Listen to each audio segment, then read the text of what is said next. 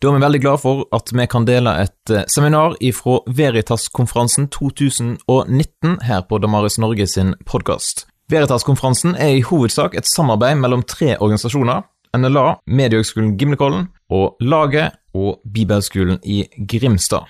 Og Vil du vite mer om Veritas-konferansen, så går du til veritaskonferansen.no. Her kommer dagens seminar.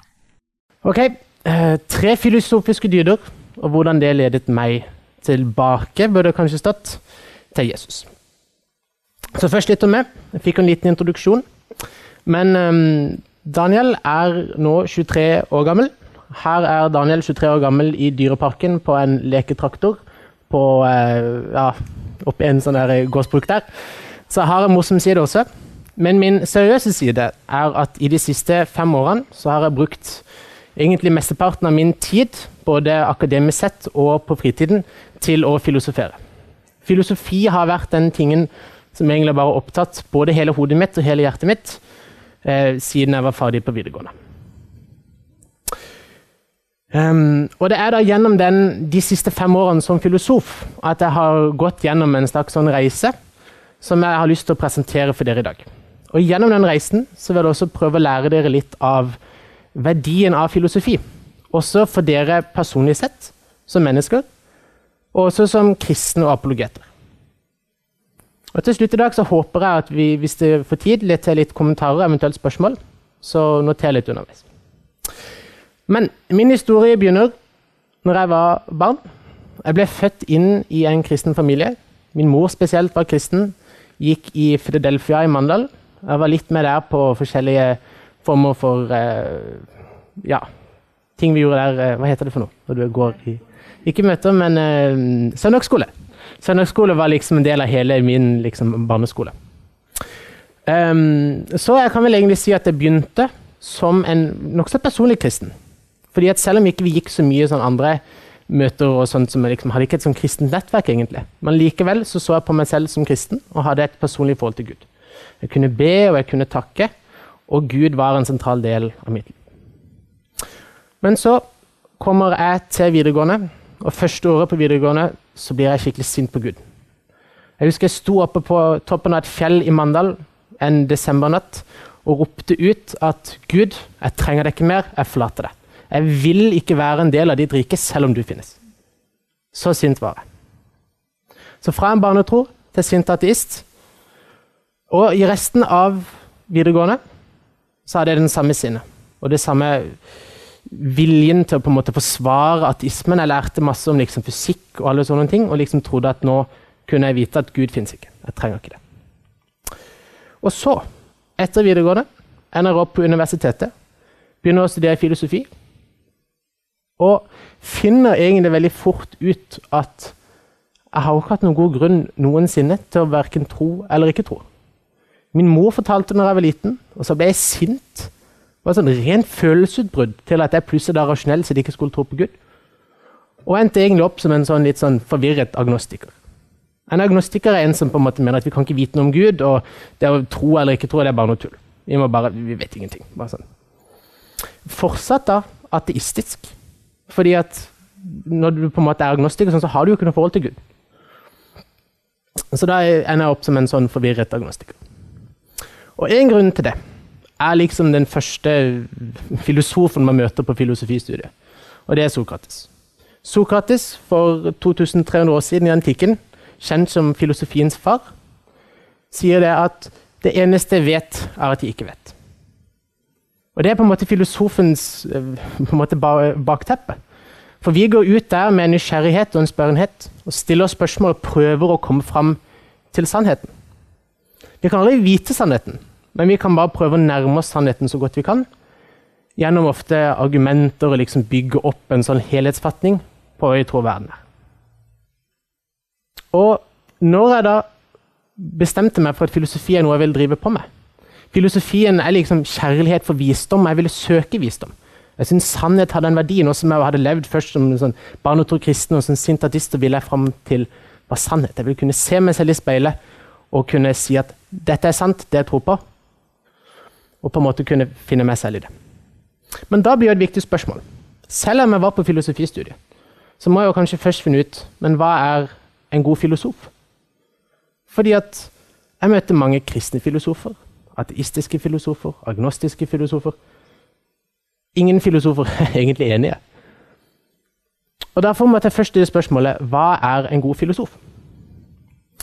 Og da igjen tilbake til antikken. En elev av en elev av Sokrates, Aristoteles, har en teori om dyder. Og Dyder er et sånt ord som egentlig har forsvunnet ut av det norske språket, men som fortsatt er veldig prominent innenfor filosofi. Så hva er en dyd? Vi kan se for oss at dyder er de egenskapene med en ting som gjør den tingen til det det er. Også da når en ting er dydig, så har han på en måte de gode egenskapene som skal til. Så La oss ta en sekk. Hva er egenskapene til en sekk? Og så kanskje Hva er formålet til en sekk? Jo, vi skal bære rundt ting. Vi må ha ting oppi, ham og kanskje holde lenge. Så Derfor vil kanskje dyra til en sekk være romslighet. Han må være sturdy, og han må kunne eh, kanskje være vanntett. Alt dette gode egenskaper med en sekk. Så kort oppsummert dyder er lik gode egenskaper. kan vi tenke. Og Da kan vi omformulere mitt forrige spørsmål. Hvilke dyder er viktig for en filosof? Hvordan skal jeg på en måte kunne si at jeg er en god filosof? Hvilke egenskaper må jeg ha da? Så før jeg kunne fortsette videre på mitt sånn, prøve å finne ut om Gud fantes eller ikke, eller prøve liksom komme fram til noen filosofiske konklusjoner, så ble dette et viktig spørsmål. Og den første dyden finner jeg i Arthur Schopenhauer. Min kjære, kjære Arthur Schopenhauer. Jeg leser Schopenhauer hver dag, og har gjort det i ja, fire år cirka. Jeg har lest alt han har skrevet mange ganger, og jeg syns han er herlig. Men det er jeg egentlig veldig alene om. Fordi at Schopenhauer er kjent som den store pessimisten. Det er han som er forløperen til Nietzsche, hvis dere kjenner han. Nietzsche var liksom veldig schopenhaueriansk første delen av sitt, uh, sitt uh, filosofiske virke. Og så tok han liksom et oppgjør med Schopenhauer etterpå. Så jeg har også endt opp som pessimist i løpet av disse årene. Kanskje vi kan snakke mer om det etterpå. Men det er ikke pessimismen i Schopenhauer som jeg fant viktigst. Først er det hans sitt dyd om mot. For Schopenhauer stiller oss egentlig et spørsmål. Våger vi å stille de riktige spørsmålene når vi driver filosofi? Eller bare generelt som mennesker, våger vi å stille de riktige spørsmålene? Eller stiller vi kun spørsmål som vi ønsker å stille? Schopenhauer skriver selv, etter min oversettelse, for å filosofere må vi først og fremst ha mot nok til å ikke holde noen spørsmål tilbake. Han bruker det rett, eksplisitt mot. Og for det andre så må vi fjerne all forutinntatthet, og så må vi se på det som et problem. Han sier på engelsk altså 'anything that goes without saying'. Så det han utfordrer oss til når vi skal begynne som filosofer. Det er for det første å innrømme at jeg har noen fordommer. Det er bare ting jeg vet. Sånn som eksempel, når jeg var barn, så visste jeg Gud. Og når jeg ble sint ateist, så visste jeg at Gud ikke fantes. Men da sier Schopenhauer først må du ha mot nok til å stille spørsmål. Kanskje når jeg var ateist, finnes Gud? Og så må jeg se på at det at allerede har tatt den konklusjonen om at Gud ikke fins, det er et problem for at jeg skal faktisk kunne komme fram til noe. Så det jeg gjorde etter dette, var at jeg begynte på Gimlekollen. Og mange her vet hva Gimlekollen er. Det er liksom kommunikasjon og livssyn. Det handler om kristen apologetikk og prøve å forstå hva kristendom er, og hvordan man kan formidle det. Det er jo ikke det riktige studiet for en artist. Så det er, er ikke så mange artister der oppe. Men hvis jeg skal være en god filosof, så er det det. Fordi at jeg må våge å utfordre meg selv og lære på den måten. Skjønner litt hva det som ligger da i dette begrepet med mot, og hva det har med filosofi å gjøre. Vi skal ta en oppsummering etterpå. Og I tillegg i Schopenhauer så finner jeg et begrep om ærlighet. Og hva er ærlighet? Jo, ærlighet handler om at vi må faktisk være ærlige med oss selv, slik at vi kan være den vi er, det vi kommer fram til. Um, blant annet så sier han dette Hvis det er komfort du søker, så da til presten. Og så har jeg lagt til da i parentes eller postmodernistene eller alle de andre som ikke bryr seg. Og la oss filosofer være i fred. For de andre de kan lage dogmer etter dine behov. Og det var det jeg også finner mer og mer ut at jeg måtte være. Jeg måtte være ærlig. Fordi jeg må ikke bare søke den sannheten jeg vil ha. Det var jo det jeg gjorde når jeg sto på det fjellet og ropte ut at ikke jeg vil ha Guden mer.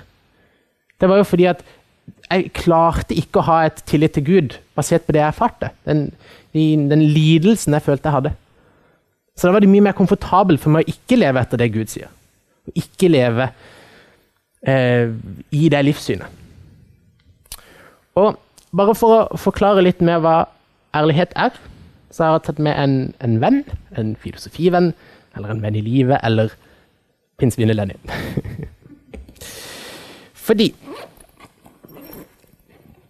Pinnsvinet Lenny illustrerer her at alle vi mennesker vi har et livssyn. Og Det kan vi se på som en eller annen sånn bag, en sekk, som vi tar med oss hele livet.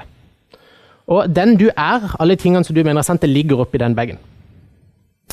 Og når vi da skal være ærlige, så må vi på en måte være villige til å åpne opp den sekken og så se hva som er oppi der.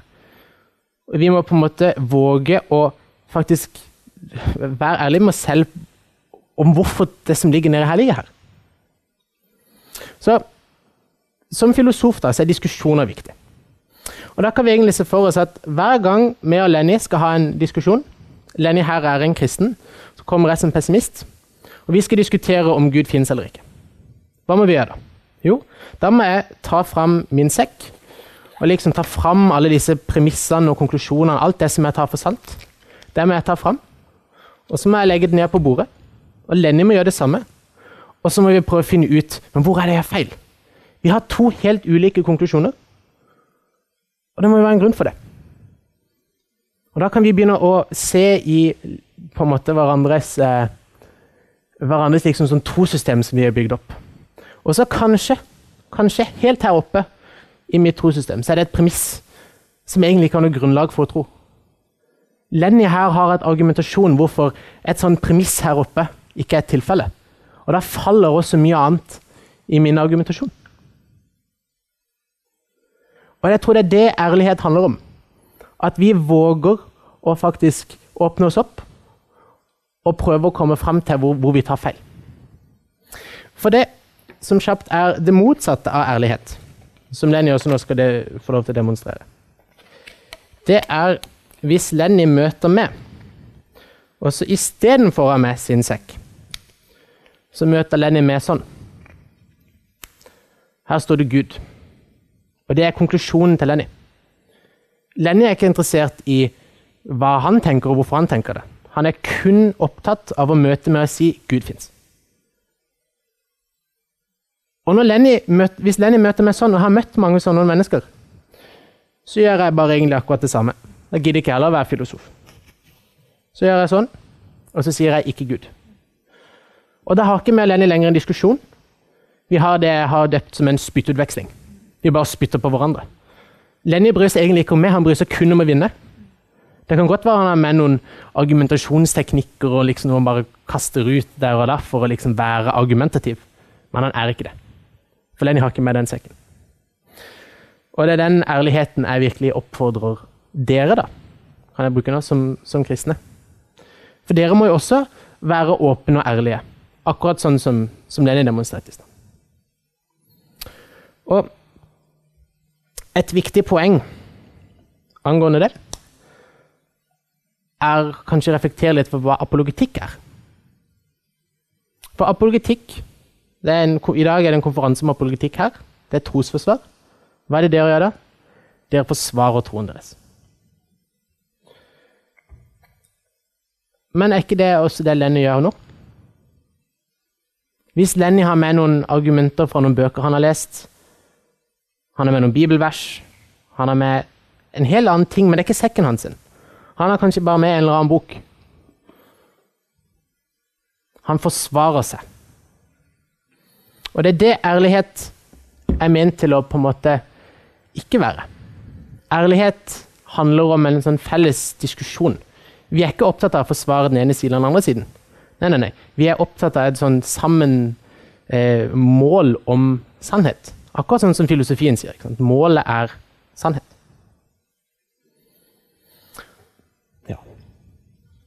Videre i min fortelling kan jeg først si at så langt på stadiet så har jeg sett at jeg har noen premisser her oppe som ikke er forenlige med mitt livssyn. Mitt livssyn som pessimist hang ikke på greip. Og det viste Lenny meg gjennom en sånn diskusjon. Akkurat når det var, eller hvem det var, det er jeg litt usikker på, men som helhetlig sett så klarte jeg å summere opp eh, mitt pessimistiske livssyn og et teistisk livssyn, og så at det teistiske ga mest mening. Men så kan vi spørre selv er det nok. Og for meg var det ikke nok. For jeg trengte en siste dyd. Og den siste dyden er ydmykhet. Og hva er ydmykhet i en sånn filosofisk bestand? Det er at vi må spørre oss selv klarer vi å leve ut vårt livssyn. Klarer vi virkelig å bare med rent rasjonelle ting overbevise oss om noe så stort som et helt nytt livssyn? Livet som pessimist og livet som kristen det er to helt forskjellige verdener. Og bare det å lese noen linjer i en bok eller ha en god diskusjon med noen, det er ikke nok i seg selv. Det tror jeg også er en viktig ting å ta med seg i en apologetisk perspektiv. Det første bolken i dag han, med Ann-Karina og Katrine, tror jeg, det handlet om forholdet mellom apologetikk og um, sjelesorg. Og Der nevnte de også dette med ydmykhet. Fordi at Det er først når jeg klarte å bli møtt med andre som også var ydmyke overfor mitt livssyn, og den kampen eller den reisen jeg holdt på med, og at jeg selv klarte å være ydmyk om at alt handler ikke kun om argumenter, men det handler om meg. For selv om denne sekken her er min, så må jeg på en måte leve ut den sekken. Og jeg gikk lenge med en sekk som inneholdt egentlig premisset Gud, uten at jeg utad Nå står det ikke Gud her fortsatt. Ut, uten at jeg klarte å internalisere det og leve det ut. Og den personen som hjalp meg til det, det var eh, Søren Kjerkegaard. Og når jeg møtte dette linja her Det største et menneske kan gjøre, er å la Gud hjelpe ham. For jeg hadde kanskje tatt de to forrige dydene for seriøst og tenkt at alt dette handler om liksom, å lese masse bøker og tenke rasjonelt om dette her. Men troen på Gud handler om mye mer. Det handler om å ha tillit til Gud. Og det handler om å være villig til å møte Gud og faktisk legge ned sin egen stolthet og si at hei, jeg klarer ikke alt, jeg er avhengig av det. Jeg klarer heller ikke å forstå alt, selv om jeg prøver. Selv om jeg har lest så mange bøker og lest så mye om Gud, så er ikke det sikkert at jeg klarer å, å skjønne alt. Så det var den ydmykheten der da, som hjalp meg til at jeg til slutt kunne ta med meg den sekken, gå ut i ganga om morgenen, se meg selv i speilet og si Der, Daniel. Der er sekken. Daniel er kristen. Så jeg har lyst til litt tid på diskusjon på slutten. Så til å oppsummere litt smått Jeg tror alle filosofer, kanskje også alle mennesker, kanskje også alle apologeter, og kanskje alle kristne de trenger mot til å faktisk ta livssynsspørsmål alvorlig. Og ikke bare alvorlig fordi vi ser på oss selv eller vi ser på naboen som sliter med ting. Og så bare sånn Å nei, nå skal det mennesket ut av, av liksom troen. Nå må vi hjelpe det mennesket. Jeg tror det er feil motivasjon til å møte et menneske. Jeg tror en riktig motivasjon er å si at der er det et menneske på en livssynsvandring og der må vi hjelpe det mennesket med å være seg selv. Og det hjelper vi da gjennom å stille riktige spørsmål og faktisk ta diskusjoner. Ikke spyttutvekslinger, men diskusjoner med de menneskene som vi møter. Og så den siste med ydmykheten. Den handler ikke kun om dere. Jeg er veldig på at jeg vil utfordre dere til å ta disse dydene til dere, og kanskje um, si, prøve de ut. Og se på det som en verdi. Men dere må også se på det mennesket dere møter, og så spørre i hvilken grad er de modige, ærlige, ydmyke? Og er det kanskje mitt mandat da å hjelpe det mennesket til å gjøre det?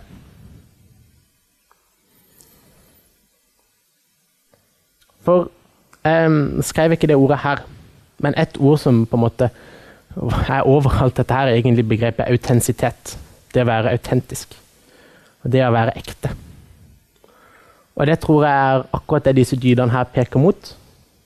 Det er at vi står, kan stå fram, vi kan se oss i speilet og si at der er Daniel. Sånn er Daniel. Et ekte Daniel. Ikke et falsk Daniel som bare har bestemt seg for noe, eller som har lest en sånn gøy setning en eller annen bok, og derfor er jeg det. Altså, Jeg har jo lest Schopenhauer eneste dag og kan liksom alle sitatene uten at Jeg kan kjenne meg igjen i så mye av det. For jeg kunne valgt det. Jeg valgte det en gang. Men jeg er ikke der nå. Og det er ikke fordi at jeg ville vekk ifra det. Det var fordi jeg klarer det ikke lenger. Fordi at da ville jeg lyvd for meg selv. Da ville jeg ikke hatt den riktige sekken med meg. Men det sagt, så kan vi faktisk stille spørsmålet Er jeg kristen? Jeg vil jo si ja. Det er jo det korte svaret. Jeg har iallfall begynt en sånn veldig ærlig prosess og har en tillit til Gud. Jeg er tilbake til der jeg kan, kan be og takke til Gud, og jeg kan gå i kirka og føle meg velkommen dit. Og jeg kan møte dere som kristne her og føle meg veldig velkommen i det fellesskapet der. Men jeg er ikke først og fremst kristen. Jeg er først og fremst menneske. Jeg tror det som nærmest definerer et menneske, er at vi hele tiden er på en sånn reise. Vi er en reise til å på en måte finne oss selv. Det var ikke liksom bare Daniel menneske som ploppet ut for 23 år siden. Nei, nei, Daniel menneske blir til mens jeg går. Og den sekken her, den, den skal alltid være åpen for revidering. Alltid. Og det er derfor jeg i tillegg til å være menneske, er en sannhetssøker. Sannhet er den fremste verdi som jeg søker. Og så tenk litt på det. Hvis dere har en verdi um, Prøv å komme på en verdi. altså Alt fra liksom fotballkamp. Hvis dere er interessert i fotball. Det har en verdi for dere. Vel, men hvis ikke det er sant at fotball har en verdi for dere, hvilken verdi har det da? Hvis dere bare kunne kommet opp med noen verdier i hist og pist. Derfor sannhet er den fremste verdien for all annen verdi, alt annet i deres tankesett og alt, alt med dere er avhengig av sannhet først og fremst. Og etter det så er jeg kristen. Men også, hvis jeg på en måte skal se mitt reise i et sånt perspektiv igjen Jeg ville aldri stått på en måte her i dag eller vært kristen hadde jeg ikke gått inn for dette. For jeg kjenner også så mange mennesker som var stuck der jeg var når jeg var ferdig på videregående. Eller på videregående. Som en sånn sint ateist som på en måte ikke gadd å søke noe. Det var helt greit fordi at verden ikke hadde Gud. Det var faktisk det de ønsket. Og så ble de stuck i det synet. Men jeg vil kanskje også si det samme om mange kristne. Fordi hvis sannhet er den største verdi, burde vi ikke søke sannhet først? Og også hvis dere tenker at Gud er sannhet, hvorfor ikke søke sannhet først? Og så på en måte nærmest bare Hvis dere ønsker å være kristne, gamble på at dere der blir Gud. Jeg gjorde et morsomt eksperiment som jeg skal slippe å gjøre her, men som jeg gjorde på, når jeg hadde en undervisning om litt av det samme her på Gimlekollen et år. Etter å ha nesten fortalt egentlig det samme eksempelet her med Lenny, så sa jeg til dem at som ateist så klarte jeg å overbevise noen eh, ateister om å bli kristne. Eller ikke overbevise, men jeg klarte å være med dem på en sånn reise, slik at de da eh, bestemte seg du har et godt poeng, Lallel. Gud. Og da fikk jeg applaus. Og så sa jeg etterpå Men jeg klarte også å overtale noen kristne til å bli ateister. Nå brukte 'overtale' igjen, det var feil. Men jeg klarte å være med på en reise fra kristendom til ateisme. Og så sa jeg etterpå, og det står jeg fortsatt for i dag, jeg var like fornøyd i begge tilfeller. Fordi de menneskene gikk ut den døra etter det å snakke med meg, og var med seg selv. Og som sagt, i dag jeg ville så klart vært med de Nå er det jo veldig interessant å møte de igjen, for nå er jeg på en måte byttet, byttet beite igjen. Og så kan jeg på en måte utfordre deres livssyn igjen. Ikke sant? Fordi plutselig fikk de med seg ikke Gud i sin sekk. Og nå har jo jeg Gud i min sekk, og da er det plutselig gøy å diskutere med dem igjen. Men jeg tror virkelig på dette. Og det er derfor jeg, eh, hvis jeg går tilbake, er menneske sannhetssøker, kristen, altså sannhetssøker skråstrek filosof, men jeg er ikke apologet. Jeg har veldig respekt for det apologetikken gjør, men det er ikke mitt virke. Fordi at jeg har ingenting å forsvare. Jeg har bare en reise jeg vil invitere folk med på, og jeg vil være med på deres reise. Og litt den, eh, Tilbake til det eksempelet i, i stad med de oppe på, på Gimlekollen. Så sånn, så hadde jeg et sånt eksperiment der jeg ber dere opp hånda bare sånn Hvor mange av dere kan se for dere at dere blir ateister? Det var under halvparten som rakk opp hånda. Og Da kan vi stille spørsmål tilbake. Hvis jeg hadde holdt samme foredrag i liksom Human-Etisk Forbund eller en samling med ateister, eller den lille klubben hadde med to pessimister den gangen, hvor mange av de ville rekt opp hånda? Det er sikkert også bare under halvparten. Hvis det da kom til å ta steg over i kristendommen. Og Da viser vi egentlig bare at vi er en hel gjeng med sånne. Fordi hvorfor, hvorfor, skal vi forvente at andre skal høre på oss og høre på vår organisasjon hvis ikke vi gidder å høre på deres? Hvis vi bare er helt sikre på at uansett hvor langt du graver ned i min sekk, så kommer du aldri til å fjerne Gud. Eller de premissene som leder til Gud. Da er man kanskje en god apologet, men en forferdelig dårlig filosof. Um,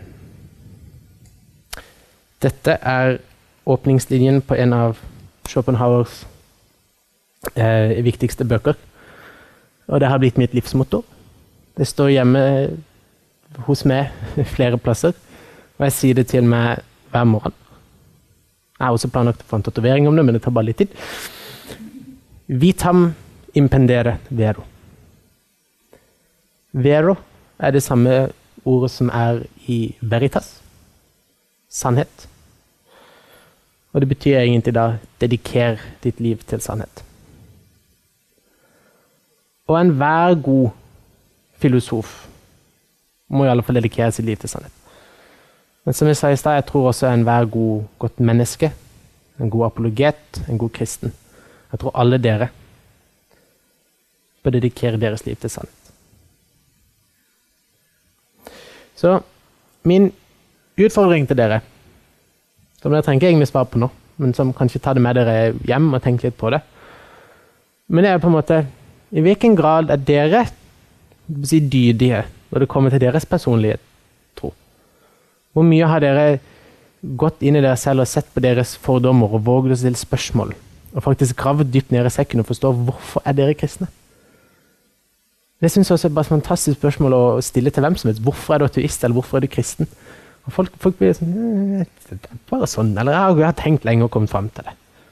Men kanskje du har stilt masse feil spørsmål og tenkt skikkelig dårlig? Jeg har tenkt mye dårlig. Mange ganger. Og jeg, det er ikke sikkert det er den mest si, dydige filosofen som finnes der ute. Men jeg tenker veldig mye på det. Og det tror jeg viser i alle fall at jeg har en slags sånn selvrefleksjon rundt det virket og den, den, reisen jeg er på. Så, og jeg brukte fem år. Jeg skal ikke si at jeg skal ut på en fem år lang krise. Og for guds skyld, virkelig for guds skyld, ikke bli pessimist. Da, da må dere ta kontakt med en gang, for det er veld, veldig få pessimister der ute. Det er alltid gøy å møte noen.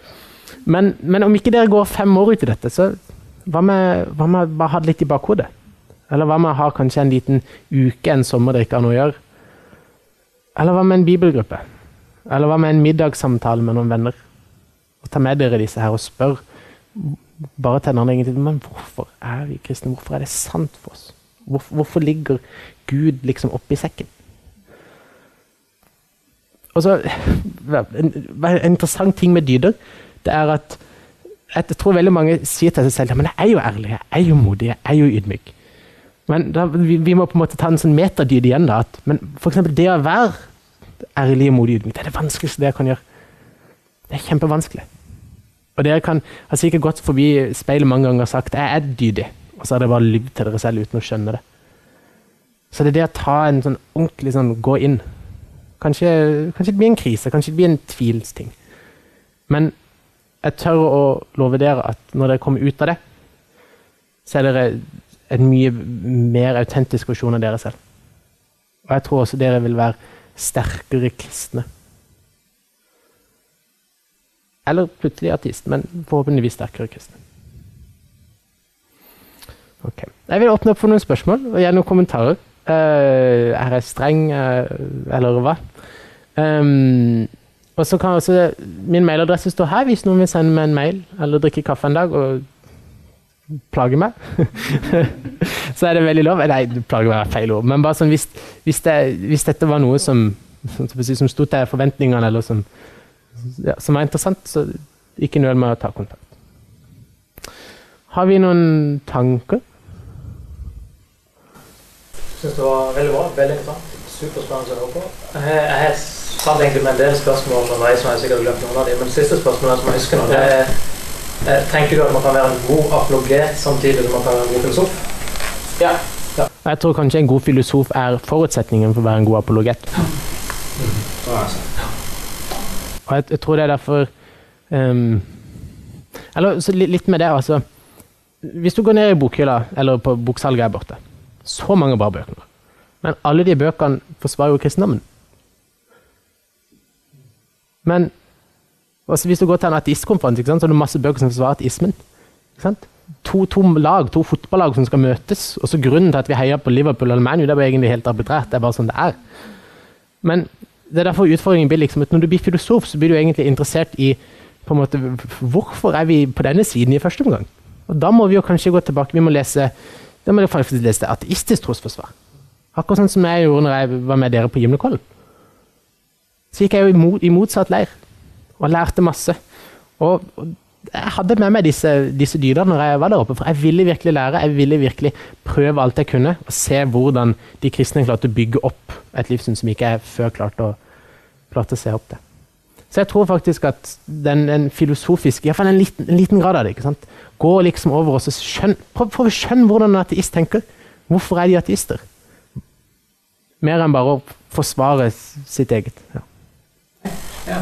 Jeg er selv filosof og studert dette her. Og så er jeg også en kristen, da, men så har jeg også våget å være ærlig. Jeg vil påstå at liksom, men Det har vært en veldig lang prosess for meg å jobbe sånn med millionenes problemer og mange sånne ting. Så jeg litt sånn, litt sånn spørsmål og refleksjon tenker høyt. da.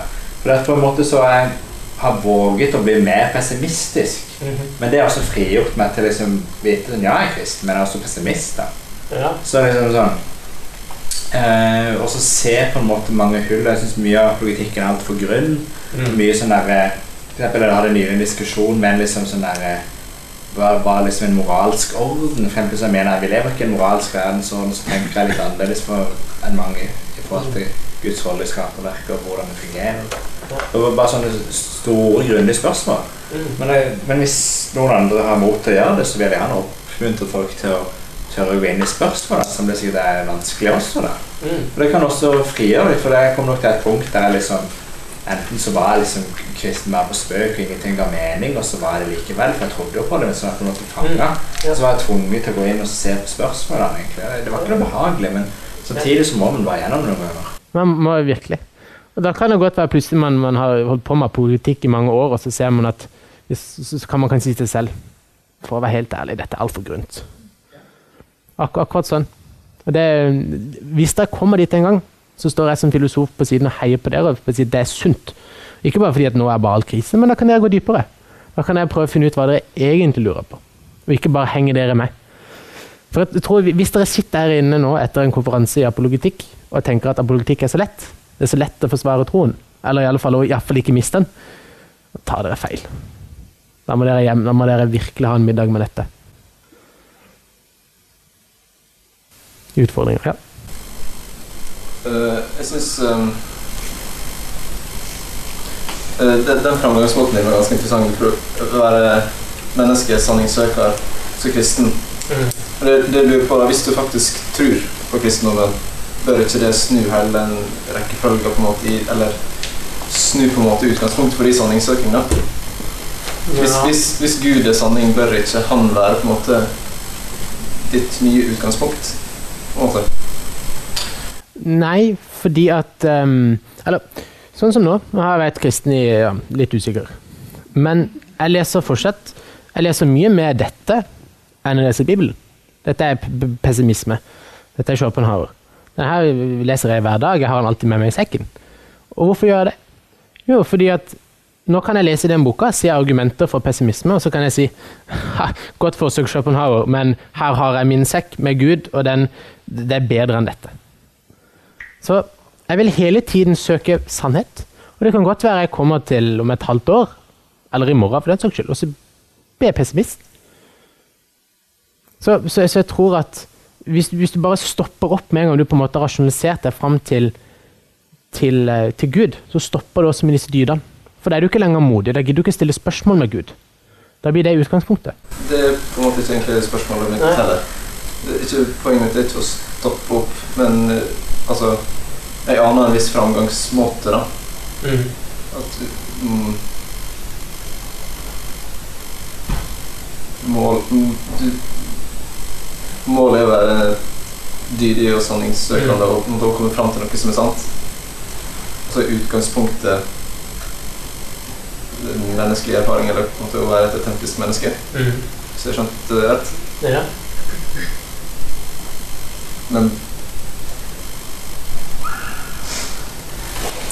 bør ikke på en måte Gud ta den plassen da, som et utgangspunkt?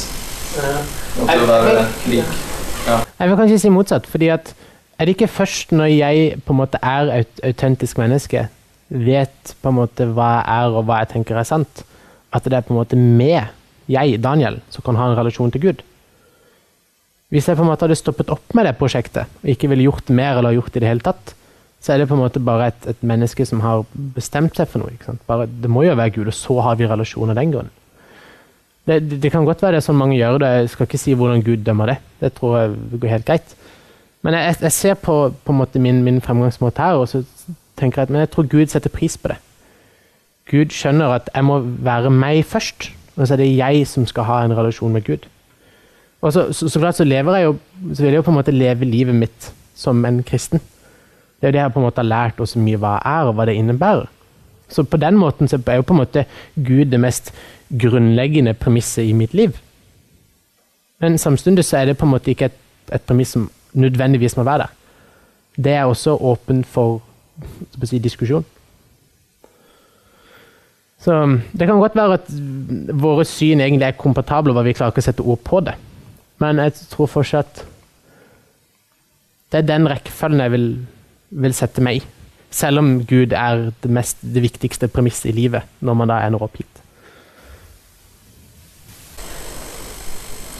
Tenk på Kirkegård. Han snakket om å kaste seg ut på de 5000 favner. Mm. Altså ta en sjanse. Ja. På et vis. Altså, du, må, du kommer kanskje til det punktet at du du, du, finner på en måte ikke helt tilfredsstillende svar.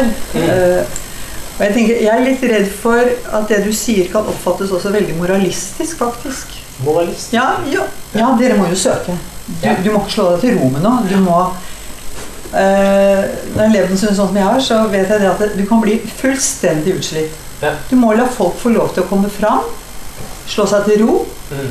leve, gå for det. Jeg har kasta meg ut på det. Mm. Eh, jeg er ikke filosof eller så, Det er jo ikke alle som er filosofer, og som lever for det. Og uh, du har gått så mange runder. Nå er jeg kommet hjem. Mm. Skal folk få lov en gang å komme hjem? Ikke sant? Vi er så opptatt i vår tid å være underveis.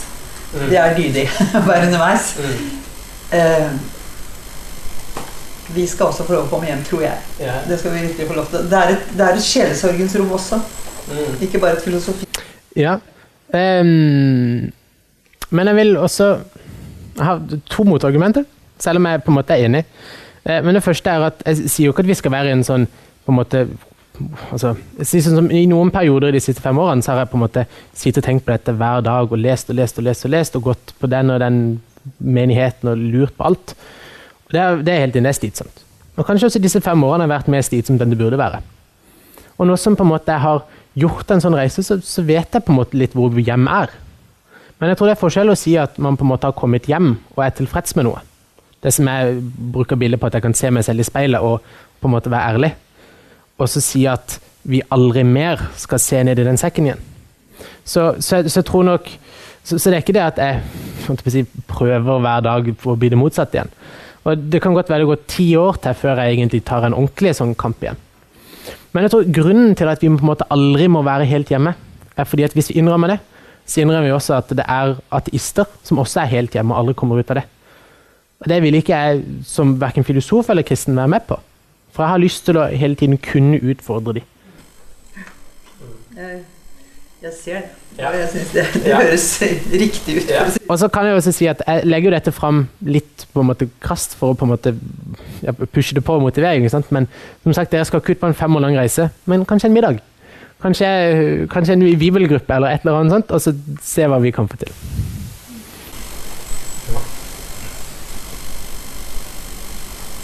Jeg lurer litt på hvordan du ser på misjon, og hvordan måte en skal gjøre det som en kanskje som en filosof, eller på en måte Ja. en og hvordan det blir å møte Ja, Ja.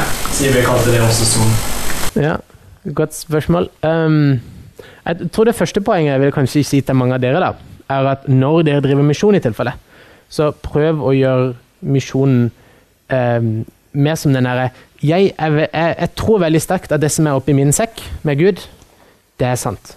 Og Gud motiverer meg til å spre det. Og da vil jeg på en måte møte mennesker, åpne opp min sekk og si 'åpne opp din', og så kan vi diskutere det derfra. Eller bare at det er det som på en måte er motivasjonen.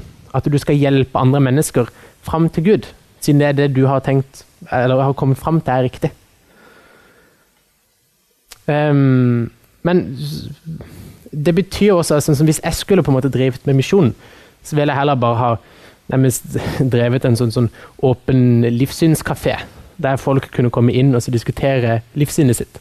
Diskutere liksom disse store filosofiske spørsmålene mer enn at jeg på en måte skulle åpne, folk, åpne opp og si 'kom og hør på Gud'. Og Det kan godt være at det er det som blir mitt mandat, og så blir deres mandat faktisk å ut og spre Gud. Men bare være litt obs på hvordan dere gjør det. Og da tror jeg igjen disse dyrene her er en, også en god måte å drive misjon på. Fordi at da, Hvis man også sprer de til f.eks. ateister, som kanskje ikke er åpen for at Gud finnes i det hele tatt, og så møter vi de bare med sånn krass etter vil de høre.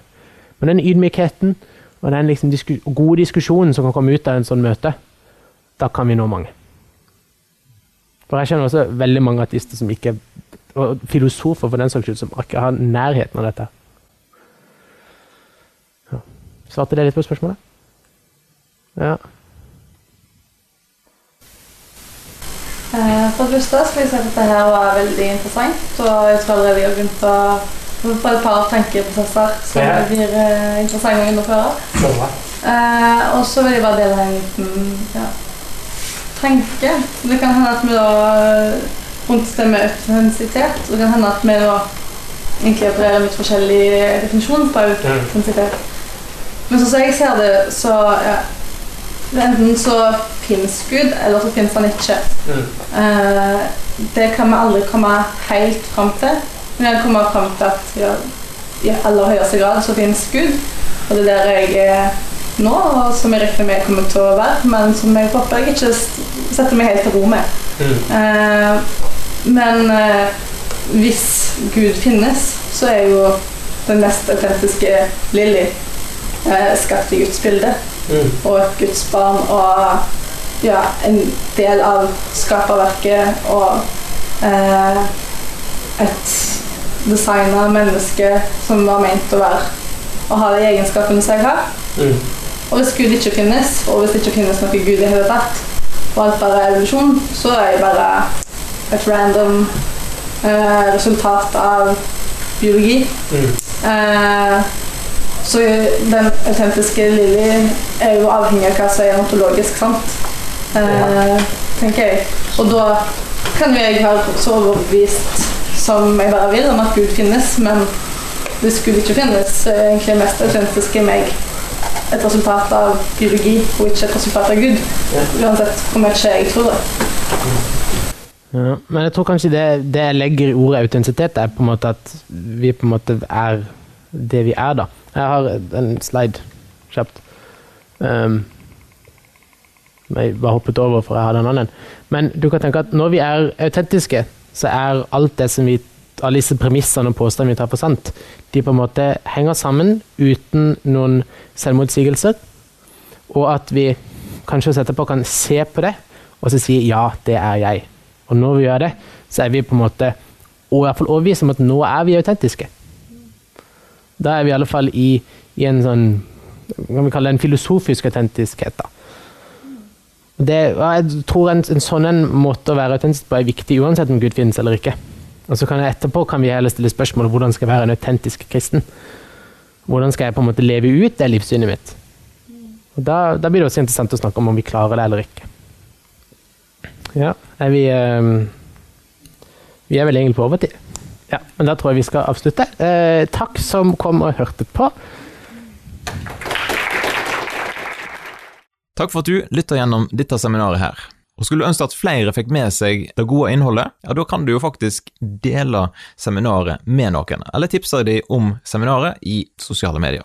Vi setter jo veldig stor pris på om du har lyst til å skrive en anmeldelse av Damaris Norge sin podkast på de ulike podkastplattformene. Da hjelper det oss å løfte podkasten opp, sånn at flere får nytte av den.